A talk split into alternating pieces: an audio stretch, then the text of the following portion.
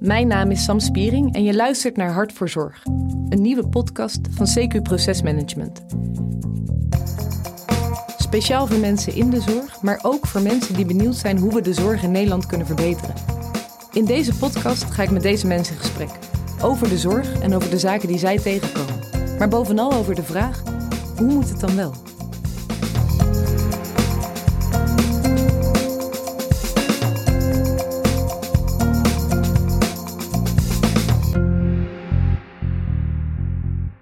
Nou, Martin, dankjewel voor de uitnodiging hier in eh, Den Andel, in het noorden van Groningen. Groningen. Ja. Het was een, eh, was een flinke rit om hier te komen. Ehm, fijn dat je vandaag eh, met deze podcast mee wilt doen. De podcast Hart voor Zorg. Zoals ik al een beetje vertelde, het is een podcast met de intentie, puur vanuit mezelf, om een, ja, eigenlijk een zoektocht van hoe, hoe moet die zorg nou in elkaar zitten.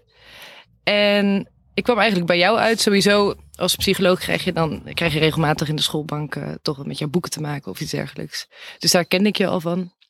Maar nu had je, laatst had je een eh, boek uitgegeven. Een van de zoveel. Ja. Je vijftigste inmiddels. Nee, Hoeveel boeken 30. heb je? 30. Dertig. Ja.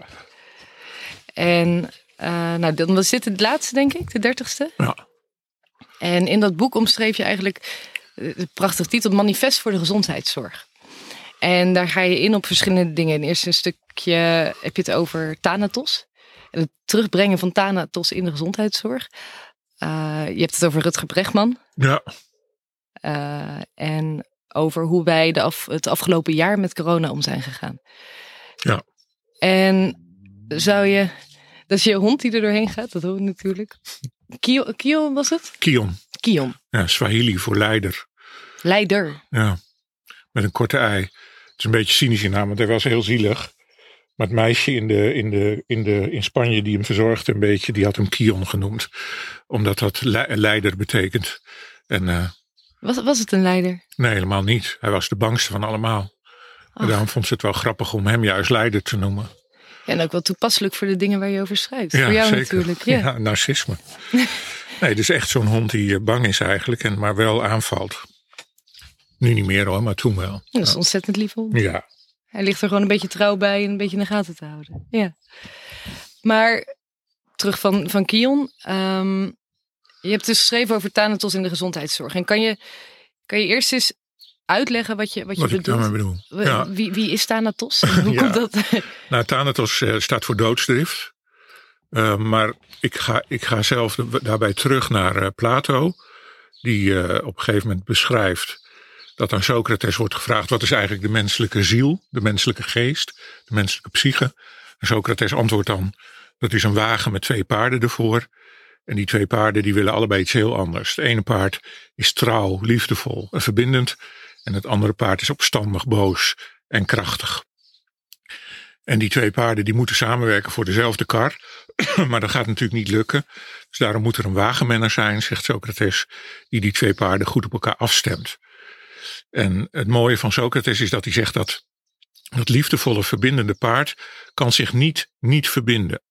Dus als er geen wagenmenner is waar dat paard zich mee verbindt, dan zal het zich verbinden met het opstandige, boze paard. En dan storten ze samen in de afgrond, zegt Socrates- al roepen dit is wat ik wil.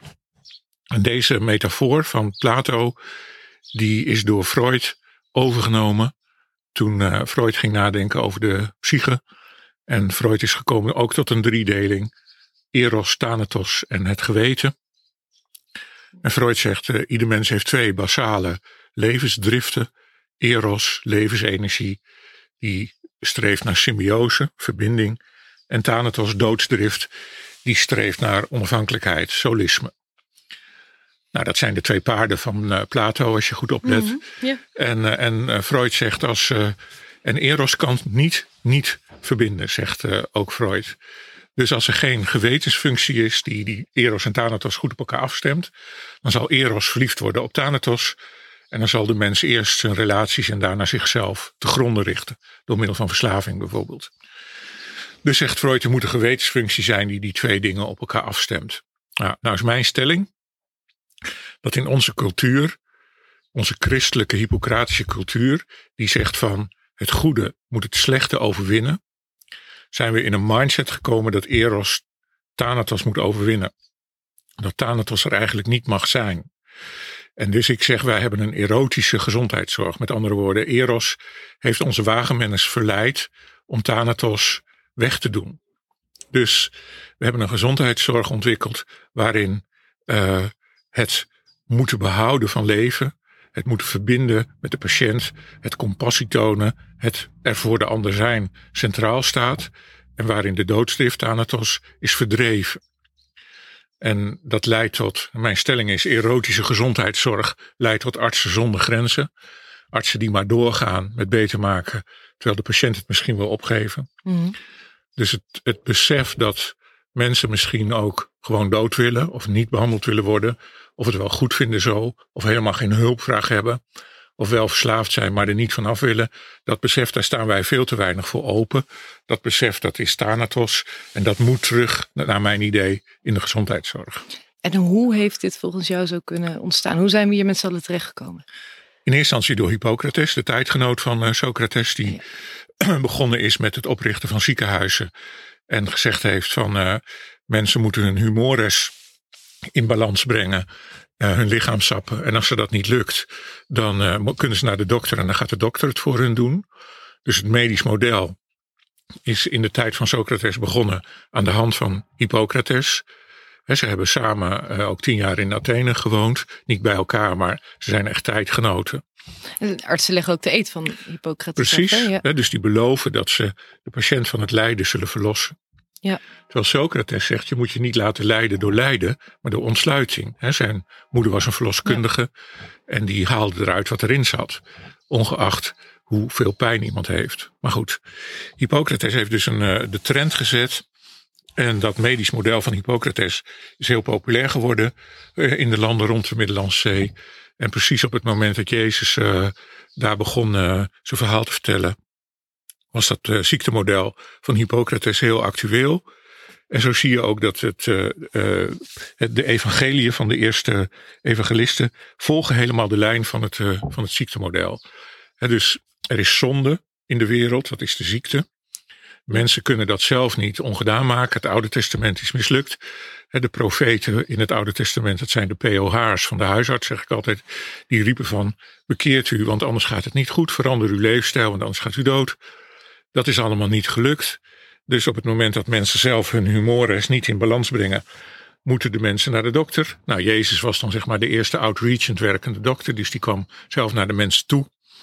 En die heeft de operatie eh, uitgevoerd, waardoor de mensheid vanaf dat moment zonder zonde eh, en verlost van den boze kon doorleven. Dat is precies het ziektemodel.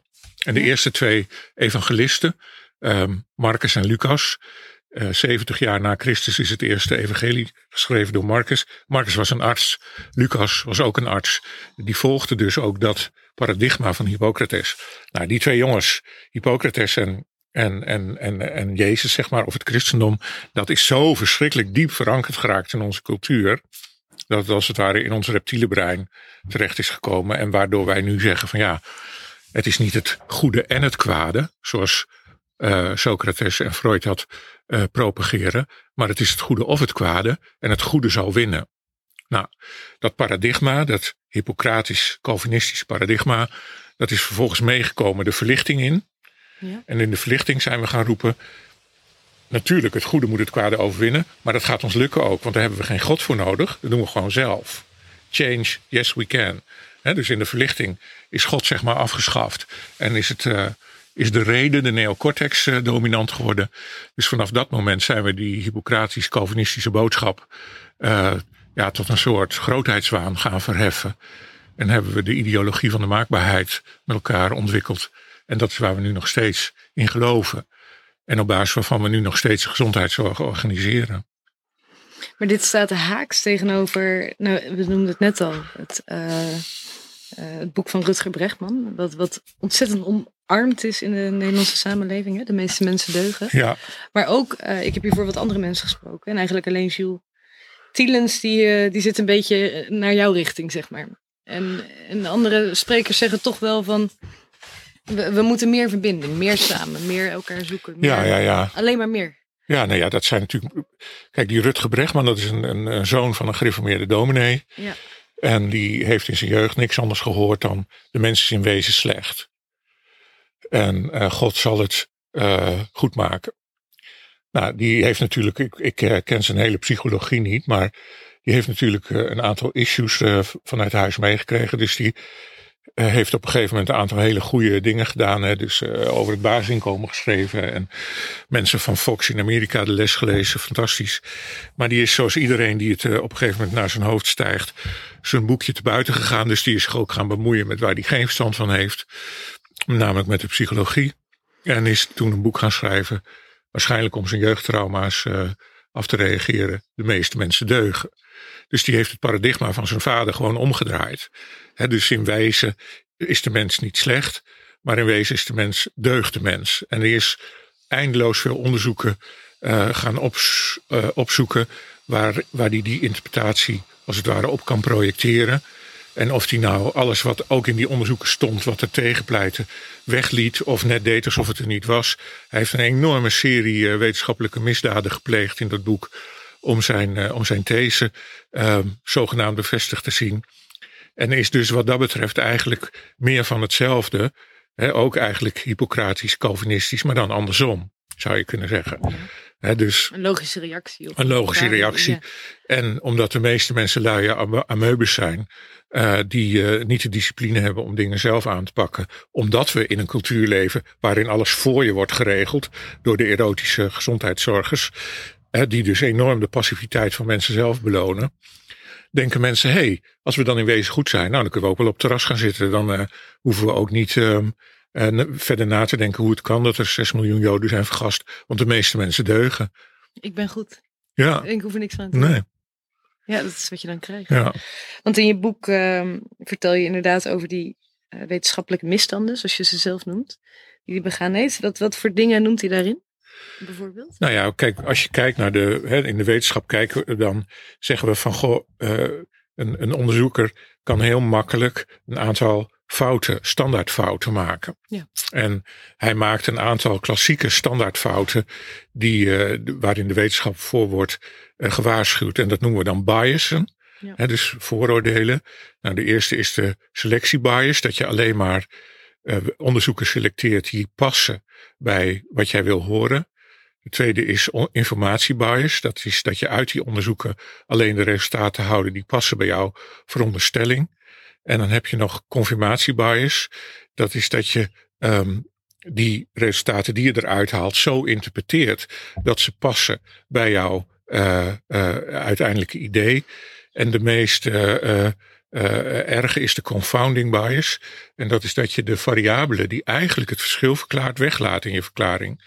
Dus Rutger Bregman heeft een heleboel onderzoeken beschreven. Um, waarin inderdaad uh, mensen goede dingen lijken te doen. In een situatie waarin je veronderstelt dat ze ook kwaaie dingen zouden kunnen doen. Alleen de variabele die, die dat verklaart, namelijk sociale druk, die heeft hij systematisch weggelaten.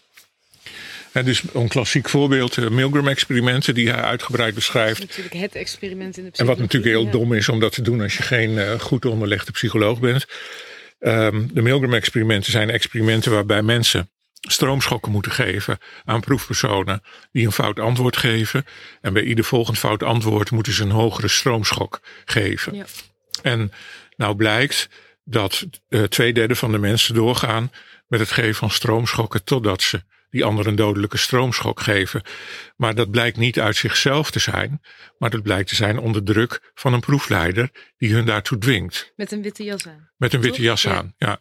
Nou, wat Rutger Bregman nu zegt is van, als je mensen het zelf laat doen, dus uh, als je mensen zelf laat kiezen, dan stoppen de meeste mensen al heel snel. En dat klopt. Dus Rutger Bregman zegt, zie je wel, je, laat die mensen de op, je geeft die mensen de opdracht om stroomschokken te geven, maar ze doen het niet. Nou, dat klopt. Maar wat hij weglaat is, maar als je daar een proefleider bij zet die dwingt, dan doen twee derde van de mensen het wel. Dat bespreekt hij niet. Nou, dus de confounding bias is dat hij zegt, zie je wel, als je mensen opdraagt om iets slechts te doen, dan doen ze het niet. Terwijl de werkelijke variabele die verklarend is, is de druk van die proefleider. Want het is niet zo dat mensen in wezen slecht zijn of in wezen goed. Dat is in de wetenschap ook helemaal geen issue. Dat is een religieus issue. In de psychologie is het helemaal geen issue. Zijn mensen goed of slecht? Wij weten donders goed dat mensen gewoon dom zijn en zich laten leiden door groepsdruk. En waarom? Niet omdat ze zo graag iemand pijn willen doen of willen sparen, maar omdat de anderen dat ook doen.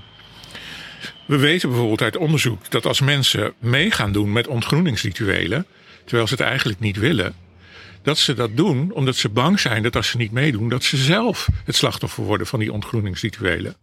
Dus mensen gaan meedoen met geweld, niet omdat ze een ander willen doodmaken, maar omdat ze bang zijn dat het geweld zich dan tegen hun keert. Dus dat of de autoritaire groepsleider zegt pak hem, want hij doet niet mee. Of dat de groep zich tegen je keert en zegt wij pakken jou, want jij doet niet mee. Ja. En dat is precies de reden waarom ik met een ongelooflijk narcistische persoonlijkheidsstructuur toch een mondkapje ben gaan dragen. Omdat de groepsdruk bij ons in de Albert Heijn zo groot werd dat ik dacht, nou, ik wil niet elke keer ruzie hebben als ik in de Albert Heijn ben. Dus ik zet toch dat mondkapje maar op. Eigenlijk uit zelfbescherming. Uit zelfbescherming, omdat ik merkte dat de groep zich tegen mij ging keren. En mij misschien op de parkeerplaats ging staan opwachten. Dat, zo bang ben ik niet, maar dat is wel dat mechanisme. Ja. ja. maar het, uh, je hebt het over Rutger Brechtman en hoe die dus. Uh, hoe die, hoe die al die onderzoeken op een bepaalde manier geïnterpreteerd Ja, dus ze zouden hem echt acuut zijn academische titel moeten afpakken. Maar ik denk niet als, als ik de, want dat boek heb ik ook gelezen. En als ik de bezieling van dat boek zie. En ook de, de indruk die het maakt op de maatschappij. Heb ik het idee dat mensen het willen geloven. Natuurlijk mensen willen, Ik denk ook niet dat hij dat per se expres heeft gedaan. Dat interpreteren van het onderzoek. Uh, als, nou, dan is hij heel slecht opgeleid. Hè? Want ik bedoel, iedereen die wetenschappelijk wordt opgeleid. Wordt opgeleid met dat soort biasen. Ja. Ja. Dus ik weet het niet. Maar goed, eh, ik, ik weet wel dat we hem hebben uitgedaagd om eh, in het openbaar hierover te debatteren. En dat hij zowel met mij als met Maarten van Rossum het uh, debat heeft geweigerd. Omdat hij aangeeft dat hij uh, waarschijnlijk het onderspit gaat delven. Dan noem je ook wel twee kritische sprekers. Jawel, maar goed, ik bedoel, ik, ik heb hem mijn argumentatie gestuurd. Ik heb hem gezegd, dit ga ik tegen je zeggen. En hier ga ik jouw boek op fileren. En hij heeft gewoon afgezegd. Heeft hij de reden gegeven dat hij af zei? Dat het ja, omdat ik gelijk heb. Je moet eerst je iPhone ontgrendelen. Dat kan ik. Siri luistert mee. Ah. in de tussentijd. Helemaal paranoia van. dat gaat niet goed. Nee, dus we hadden in de nieuwe wereld eh, met Paul van Liemt. Die had hem uitgenodigd om samen met mij het te En heeft hij gewoon niet gedaan, niet gedaan. En ik weet dat Maarten van Rossum hem ook al uitgedaagd om over dit boek te discussiëren. En daar is hij ook niet op ingegaan. Omdat hij natuurlijk wel weet welke fouten hij heeft gemaakt. Ja. ja. Jammer. Ik denk dat nou ja, de kudde, de kudde wil een goeroe. Hè? En omdat God er niet meer is, um, moeten we ergens in geloven. Nietzsche zegt dat al. Uh, die zegt op een gegeven moment: God is dood, maar de behoefte om in hem te geloven zal nooit sterven. En Nietzsche kondigt al aan dat waar we eerst in God geloofden, zullen we later in gezondheid gaan geloven. Nou, dat is precies uh, wat er gebeurt. En wat bedoelde je ermee? We gaan in gezondheid geloven? Nou ja, dus het, in het idee dat we, dat we uh, goede wezens zijn, dat we er altijd kunnen blijven en dat wij uh, dat we perfect zijn. He, dus, uh, en, en Nietzsche had het dan vooral over lust, korte termijn behoeftebevrediging. Ja. ja, en eigenlijk Nietzsche, dat, nou ja, dat is al dat is wel even geleden. Nou ja, maar ik ben een reïncarnatie van hem, hè, dus ik weet dat precies. Ja. Oké. Ja. Maar ja, nee, dat, dan ben je de eerste die dat weet. Nou, ik ben blij dat je die onthulling hier in deze, ja, in deze podcast wil vertellen. Want, daar, want eigenlijk grijp je de oude helden erbij terug. Hè? Je hebt het over Socrates, over Plato, Nietzsche. Ja. In je boek. Um, hun, hun overtuigingen en al veel eerdere ontdekkingen meegenomen. Hoe, hoe zou het wel moeten volgens jou in de gezondheidszorg? Nou ja, kijk, het is natuurlijk een illusie dat je 2000 jaar uh, gepruts uh, zomaar kunt ombuigen. Um, maar als Thanatos, zeg maar, liefdevol uh, wordt uitgenodigd om terug te keren in de, in de gezondheidszorg, dan zullen we dus veel meer vanuit het besef van eindigheid en vanuit het besef van kwetsbaarheid en vanuit de wetenschap dat we niet in control zijn en dat we ons soms gewoon bij feiten moeten neerleggen. Um, ons beleid gaan maken. Dus dan zullen we, uh, zeg maar, vanuit een vriendschappelijke omarming van Eros en Thanatos um, naar ziekte en um, lijden gaan kijken. En zullen we dus veel meer um, gaan inzetten op kwaliteit van leven dan op alles zo lang mogelijk laten rekken. Nou, en als je dat, hè, dat is dan, dat is dan eh, het, het, de psychologische context waarin dat zich afspeelt. Nou, en als we dat dan praktisch maken, dan begint dat volgens mij met onderwijs. Dus uh, ik weet nog dat ik op een gegeven moment uh, tegen de, de juffen van de school, lagere school van mijn kinderen zei: Jullie gaan met schoolreisje altijd naar een speeltuin. En waarom gaan jullie niet eens naar een begraafplaats?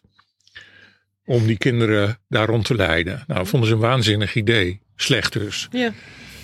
Terwijl ik zou zeggen: Ja, weet je, leef, uh, het lijden en omgaan met stress. Dat moet eigenlijk een verplicht vak worden op school. Een leefstijl moet ook een verplicht vak worden op de scholen zodat later niemand meer kan zeggen, ik heb eens niet gewoest. Dus op het moment dat jij dan een BMI hebt van boven de 30 en je krijgt geen gezondheidszorg meer, omdat je het had kunnen weten, ja. uh, waar ik ook voor ben, dan kun je je niet meer beroepen op het idee dat je dat niet wist. Daar heb je gewoon dan voor gekozen.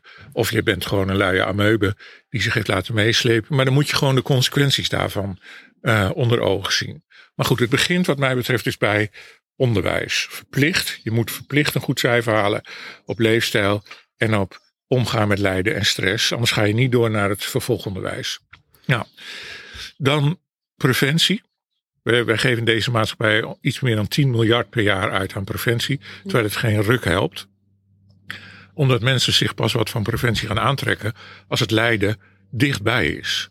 Dus ik vind dat we extreem moeten besparen op preventie. En zelfs dan, hè? De meest bekende is dan denk ik toch wel overgewicht. Ja. Uh, en zelfs dan, als mensen zover zijn, dan zijn de resultaten minimaal. Minimaal. He, dus uh, preventie kunnen we heel erg op bezuinigen. Maar ik denk wel dat bijvoorbeeld als dan uh, weer een hele provincie onder water heeft gestaan, zoals nu net in, in Limburg, en als dan de lijken in de bomen hangen, zoals nu in Duitsland, door de overstromingen, dat dat wel een goed moment is om een kleine preventiecampagne uh, hoogje, hoogje dijkjes op uh, te starten. Ja. ja, zo dat bedoel ik dus. Nou ja, goed, dan hebben we het over preventie. Dan vervolgens denk ik van um, op het moment dat mensen ingrijpende operaties uh, kunnen krijgen, omdat ze daar medisch voor geïndiceerd zijn, um, zouden we dat niet meer rukzichtloos moeten doen. Maar ik ben ervoor om in ieder ziekenhuis een polykliniek voor moreel beraad te openen. En op die polykliniek komt de patiënt met zijn behandelaren en zijn familie en zijn pastoor en zijn psycholoog en zijn aura healer. Die komen daar samen en die gaan vanuit het perspectief van kwaliteit van leven eerst eens overleggen. Wat is nou eigenlijk moreel gezien het beste voor deze patiënt? Moeten we doen wat kan? Of moeten we ons aansluiten bijvoorbeeld bij het KNMG-rapport van een aantal jaren geleden, wat zegt niet alles wat kan hoeft. Dus moreel beraad in elk ziekenhuis voordat je gaat opereren. Ik heb daarmee geëxperimenteerd inmiddels. Um, met fascinerende resultaten. Omdat inderdaad hele groepen mensen dan zeggen: laat die operatie maar zitten. Maar de directie van het ziekenhuis zegt dan: we stoppen hiermee. Omdat de productie in gevaar komt. En waar heb je hiermee geëxperimenteerd? Ja, dat ga ik hier niet zeggen omdat het een aantal afdelingen zijn die ik heel moedig vind dat ze dat hebben aangedurfd. Ja. En die uh, zijn teruggefloten door hun directies. Uh, omdat de productie in uh, gevaar kwam door mijn experiment. En als ik dan nu zou noemen wie dat zijn, dan worden de mensen die dat hebben gedurfd daar ook nog eens op gepakt. Dus dat gaan we niet doen. Om, maar dus omdat er gekeken werd naar wat is er echt nodig of wat wil iemand ja. zelf, werd ja. er minder behandeld. Ja, dus we, in de ene afdeling hebben we de mensen boven de 60 die voor een levensingrijpende operatie stonden, uh, geïnterviewd vanuit het perspectief van kwaliteit van leven. En er bleek dat ongeveer de helft van de mensen wilde vervolgens die operatie niet meer, terwijl ze anders ruksigloos die operatie deden. En het ging over om operaties van 45.000 euro per operatie, dus de helft viel uit. En die, de hoofd van die afdeling die zei op een gegeven moment: Ja, straks kan ik de rest van mijn, de helft van mijn personeel naar huis sturen. En dat, dat experiment is dus gestopt vanuit productieoverwegingen. En vanaf dat moment gingen mensen die operatie gewoon weer doen, omdat de dokter het zei. En welke conclusie kunnen we hier dan over trekken wat betreft de gezondheid? Dat we geïndoctrineerd zijn door Calvijn en Hippocrates. En dat we geautomatiseerd zijn in het idee: het kwade moet het goede over, moet overwonnen worden, moet weg. Ja, dat aan de voorgrond. Maar uh, wat je nu omschrijft is, een, is puur een, een geldprikkel. Toch? Dat de productie. Nou, onder het mom van wij zijn er om u te redden. Uh, wordt er gewoon uh, op een perverse geldprikkel geacteerd. Ik heb Eh, dat is dan de volgende stap die ik concreet eh, wil voorstellen. Ik heb heel lang onderzoek gedaan naar motivatie en eh, gedragsverandering. Daaruit is de formule voor duurzame gedragsverandering voortgekomen. Dus dat zijn negen factoren die kunnen voorspellen of iemand zijn leefstijl gaat veranderen, ja of nee. Ik vind dat die negen factoren standaard in de diagnostiek moeten. En dat als mensen niet aan die negen voorwaarden voldoen, dat ze geen zorg krijgen. Um, we hebben met die formule heb ik 40 ziekenhuizen bezocht. Alle diabetesafdelingen, uh, alle diabetesteams van die 40 ziekenhuizen heb ik uh, um, met die formule ingetraind. En toen bleek dat ongeveer de helft van de populatie aan diabetespatiënten in de Nederlandse ziekenhuizen kan zo uitgeschreven worden, omdat ze geen fuck aan hun leefstijl doen, maar wel braaf op de afspraken komen en daar met de diabetesverpleegkundige over de poedel, de vakantie en de kleinkinderen praten, maar niet over leefstijl. Ook daar was het argument hetzelfde. Het is een fantastische formule. Als we hem zouden toepassen, zouden we het een stuk rustiger krijgen. Maar we gaan hem niet toepassen, want het gaat ten koste van de productie. Dus we gaan er gewoon door met zinloze uh, uh, leutergesprekjes tussen uh, diabetesverpleegkundigen en obese um, diabetespatiënten. Die het woord leefstijl niet eens kunnen spellen waarschijnlijk. Maar als, als dat de tweede, of als je deze conclusie al vaker bent tegengekomen. Ja waar moet het dan veranderen? Moeten we dan met z'n allen in één keer gezamenlijk zeggen: we gaan dit omgooien? Of hoe, in de, de, de, de, geschiedenis bewijst dat daar waar een groep mensen met z'n allen zegt: we gaan het anders doen, daar, uh, daar zal geweld uh, het resultaat zijn. Dus ik geloof helemaal niet dat dat structureel gaat veranderen, want ik heb helemaal geen positief mensbeeld. Dus. Um, maar je hebt het wel geprobeerd bij die ziekenhuizen. Nee, ik heb ze, ik heb ze een bepaalde bewustwording aangereikt. Maar voor mij, uh, ik zou er een voorstander van zijn als het, als het hele menselijke ras gewoon wordt uh, uh, weggevaagd door een, een, een epidemie waar geen kruid tegen gewassen is. Want ik ben helemaal niet blij dat, we, dat er mensen zijn. Maar binnen die context van e extreme misantropie zou ik het op zich wel aardig vinden als we met elkaar werken aan een gestaltswitch in de gezondheidszorg. Ja. Nu we er toch zijn. En, en hoe kan dat dan het beste? Stel iemand met een iets positiever mensbeeld die het nog wil proberen, ja. zoals ik. Nou, die moet dus zich inzetten dat er onderwijs komt naar leefstijl. En onderwijs komt naar stress- en traumahantering. Die moeten politieke partijen gaan stemmen die gezondheidszorg radicaal uh, wil veranderen. En die moeten uh, met elkaar in discussie blijven. En die moeten eh, lid worden van de Nederlandse Vereniging voor een Vrijwillig Levenseinde. Kortom, die moeten overal waar het uh, ter sprake komt, Thanatos terugbrengen in het, in het gesprek. Dus meer chaos, meer. Meer nuance. Dus niet blind gaan voor wetenschap, maar je realiseren. Weet je, ik heb tien jaar met terminale kankerpatiënten gewerkt. Ik weet echt wel waar ik het over heb. Ik heb, ik heb honderden mensen geholpen om een beetje vredig dood te gaan. En ik heb misschien van al die tien jaar uh, mensen, terminale mensen bijstaan, misschien maar twee keer meegemaakt dat iemand niet dood wilde.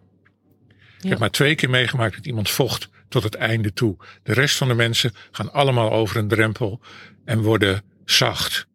Gaan op een gegeven moment zeggen: Oké, dit is mijn lot, amor fati. Ik aanvaard mijn lot, ik aan, ja. omarm mijn lot en ik ga op een vriendelijke manier proberen te sterven. Wat altijd mijn paradepaardje was, is Zorg dat dit is je laatste project, zei ik altijd tegen mensen. Zorg dat je het goed doet. En zorg dat je kinderen laten zeggen: dat wil ik net zo doen. Als ik ooit dood ga, ga ik het net zo doen als papa en mama. En dat, je niet gaat, dat ze niet gaan zeggen: Nou, als ik ooit sterf, zoals papa het gedaan heeft, zo wil ik het echt niet. Zorg dat je het zo doet. Dat je, dat je geliefden die naar achter blijven zeggen: Wow, zo wil ik het ook doen. En dat is niet vechten, maar dat is je vriendelijk neerleggen bij je lot. En tot je laatste snikken aandacht besteden aan de dingen die je wel kan. Ja. Ja, het is veel pijnlijker om iemand inderdaad te zien vechten tegen een lot wat toch komt. Ja, weet je, alle, artsen, alle artsen in Nederland zeggen: wij moeten tot het eind toe mensen helpen. Maar 85% van de artsen is voor euthanasie. En meer dan de helft van die 85% denkt dat hij daar zelf gebruik van gaat maken. Dus we hebben Thanatos uit de gezondheidszorg gehaald, maar je kan Thanatos niet uit jezelf halen.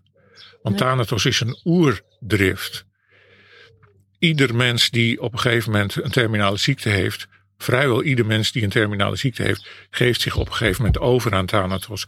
euthanatos betekent een goede dood, euthanasie. En hè, dus euthanasie komt van euthanatos, goed dood. Ehm, en, en 85% van de Nederlandse bevolking is daarvoor, voor euthanasie. Dus dat is heel vreemd. We Ja. roepen met z'n allen, het kwaad moet tot het eind toe worden bestreden. Dat komt omdat we de gezondheidszorg van Thanatos hebben ontdaan. Maar diep in hun hart weet iedereen, dit lot gaat mij ooit treffen. Dus ik kan er maar beter vriendelijk naar zijn. Zoals Herman Vinkers dat in zijn conferentie van na de pauze zegt. ehm, de dood is de laatste met wie je het bed deelt. Dus je kan er maar beter vast vrienden mee worden. Prachtig zinnetje. Die is mooi. Ja. Ja. En we gaan even, we gaan even anderhalf jaar terug in de tijd, hè? Maart 2020. Ja. Eh, corona, de Ja. welbekende. En daar werd door de gezondheidszorg massaal op gereageerd. Ja, Volgens mij in de vorm die jij ja zojuist benoemt. erotisch. Erotisch. Ja. Wat kunnen we daarvan leren?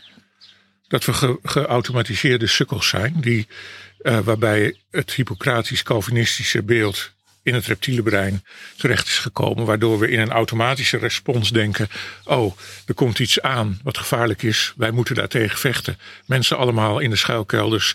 Mark Rutte zal de dokters naar het front leiden om daar de vijand te verslaan. Is gewoon letterlijk eh, het, het, het, het prototype van de erotische gezondheidszorg. In plaats van dat we zeggen, hé, hey, wat gebeurt daar? Zou de natuur misschien een nieuw rondje grote schoonmaak willen doen, omdat we met elkaar eh, de wereld totaal uit balans hebben gebracht? Zou het misschien zo zijn dat deze aardkloot op een gegeven moment niet meer mensen aan kan?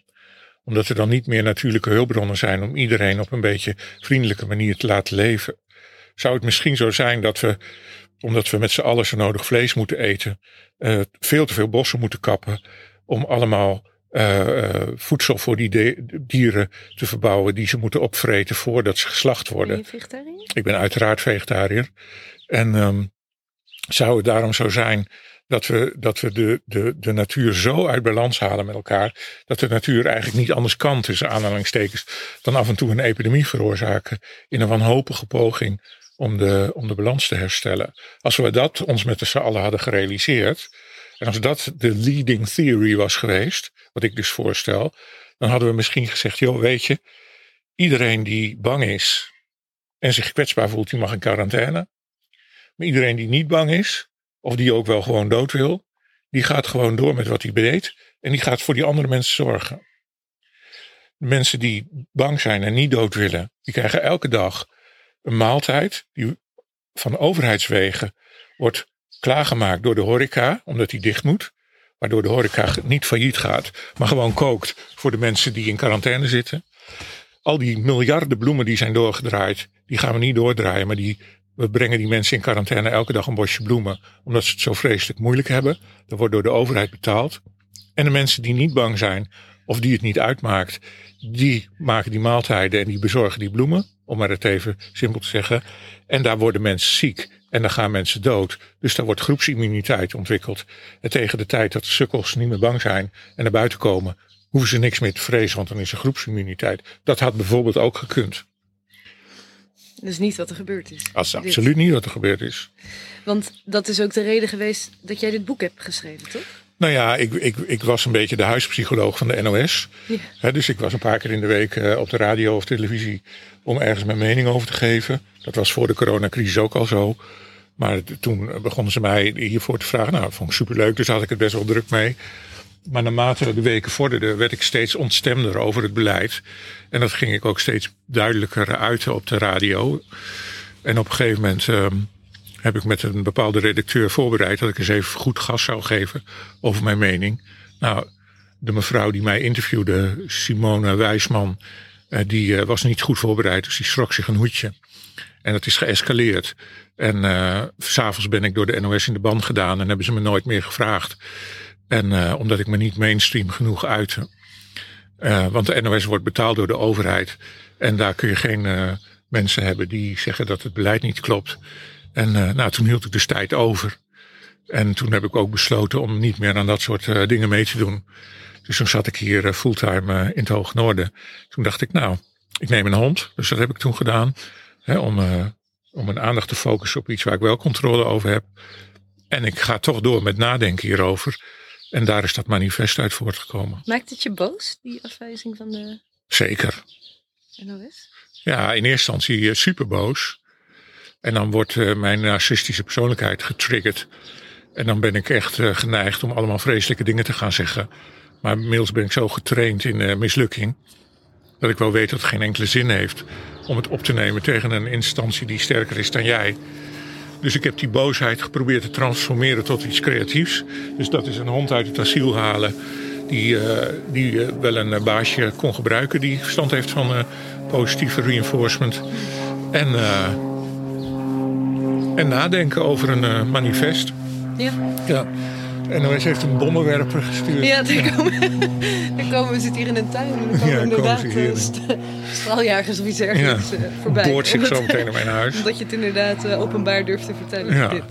Maar het, ik vind het interessant, want ze vragen jou natuurlijk om je, hè, eh, je tegenspraak vaak, je kritische mening. Jij bent specialist op het gebied van groepsvorming, eh, groepsdruk daarin ook. En dan gebeurt het. De- dan, dan zetten ze jou eruit omdat je die massa niet volgt. Ja. Dus dat wat ik verkondig, doen ze precies. Ja, Ja, dat is en een mooie ik- paradox. En dat wat, wat dan eh, de, de rebel eh, of de eh, aanstaande martelaar geneigd is om te doen, namelijk in de loopgraven gaan en een guerrilla-oorlog beginnen, dat, dat voelde ik ook even, die neiging om dat Ja. te doen. Maar dat heb ik gelukkig niet, daar heb ik niet aan toegegeven. Want in principe is het natuurlijk, de wetten van de psychologie zeggen natuurlijk dat wanneer je door een machthebber wordt onderdrukt, maar je wil je niet laten onderdrukken, dan ga je in de guerrilla-oorlog. Ja, dus dan word je een wappie. ja. Maar daar, dat, eh, dat je mechanisme. onder de wappies gezet, ja? Uiteraard, ja. Mijn uitgever, Boom, uitgever Ja. Boom, die wilde mijn manifest niet uitgeven. Omdat die wappie was. Omdat ze mij in de hoek van de wappies hebben gezet. Weer zoiets, hè. Dus ik had het manifest geschreven. Ik heb met Boom, had ik de afspraak, wat ik schrijf, dat geven zij uit. Nou, mijn uitgever las het, heeft het niet goed gelezen. Maar had mij kennelijk inmiddels ook in die hoek gezet. Van dat ik niet mainstream genoeg ben. Dus die wilde dat niet uitgeven. Nou, ook toen werd ik natuurlijk weer kwaad. Maar ook toen heb ik dat getransformeerd. Dus ik heb nu mijn eigen uitgeverij opgericht. Uitgeverij Thanatos. En dat manifest is de eerste uitgave van mijn eigen uitgeverij. En volgen er meer? Waarschijnlijk. Ja. Waarschijnlijk. Ik vind het interessant wat je. Ben ik meer zelf benieuwd naar. Je, je omschrijft toch een redelijke verlies van vertrouwen in de mensheid.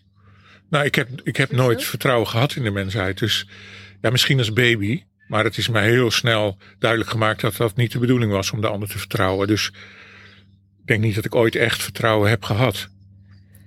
Nee, dus, nee, dus je hebt het niet Dus verloren. ik hoef Het was er niet te verliezen. Het was er Precies. niet. Ja. Maar je bent, je bent psycholoog. Je ontvangt hier bij jou thuis mensen die, die heel Nederland doorrijden om door jou behandeld te worden. ja. Is dat dan, zit daar dan hoop achter? Is er hoop Nee. dat het. Waarom, Nee, hoop waarom is, eh, behandel je dan mensen? Hoop is voor gefrustreerde mensen die de werkelijkheid niet kunnen accepteren. En die in de toekomst iets projecteren waar ze dan misschien ooit nog eens terechtkomen. De enige hoop waarin ik geloof is als ik hier in de tuin aan het graven ben. Dan ontstaat er een hoop naast me. Een hoop Eh, naar, naar de dood.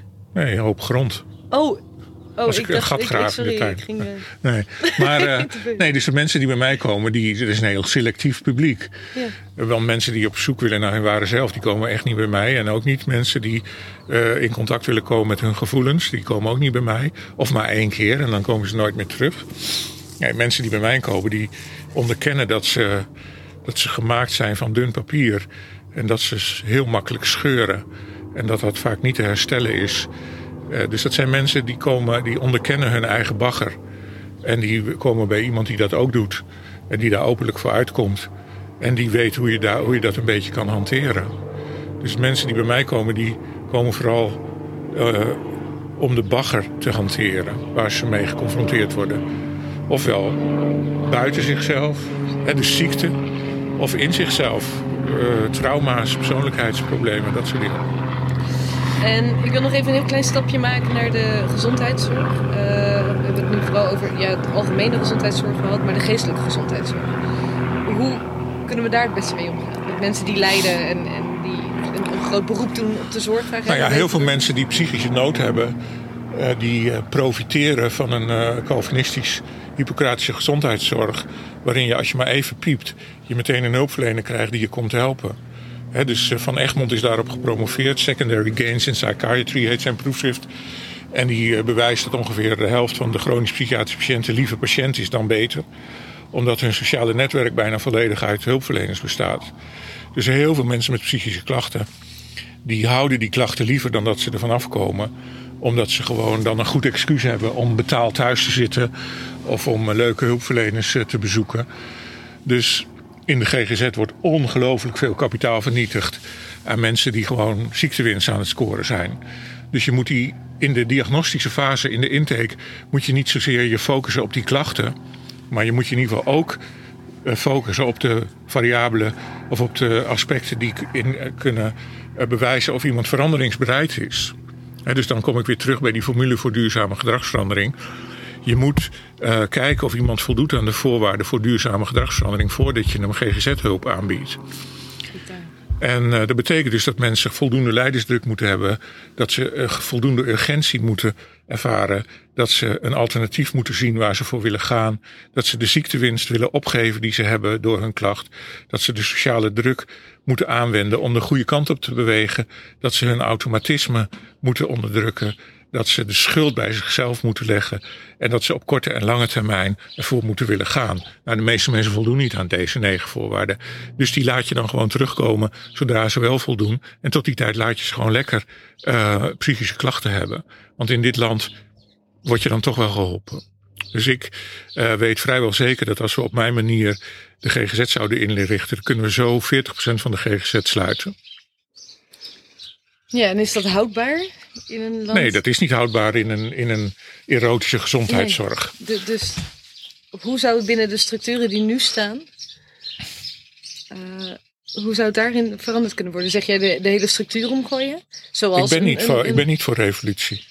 Want revolutie leidt altijd tot geweld. Uh, en ik ben tegen geweld. Dus um, ik vind dat je gewoon ervan moet uitgaan dat het nooit zal lukken. En binnen de context van mislukking doe je gewoon je best uh, om het zo te doen. Nou, zoals Sartre zegt, te goede trouw aan je eigen principes. Dus ik probeer voor deze principes uit te komen. En iedereen moet gewoon zien wat hij daarmee wil doen. Ik weet dat ik erachter sta. En dat het, voor zover ik uh, wetenschappelijk uh, onderzoek heb gedaan, dat het klopt wat ik zeg. En mensen moeten ermee doen wat ze willen. En misschien ontstaat er een tegenbeweging, of een voorbeweging, of een plus-minus beweging. Het zal me uiteindelijk gewoon een rotzorg zijn.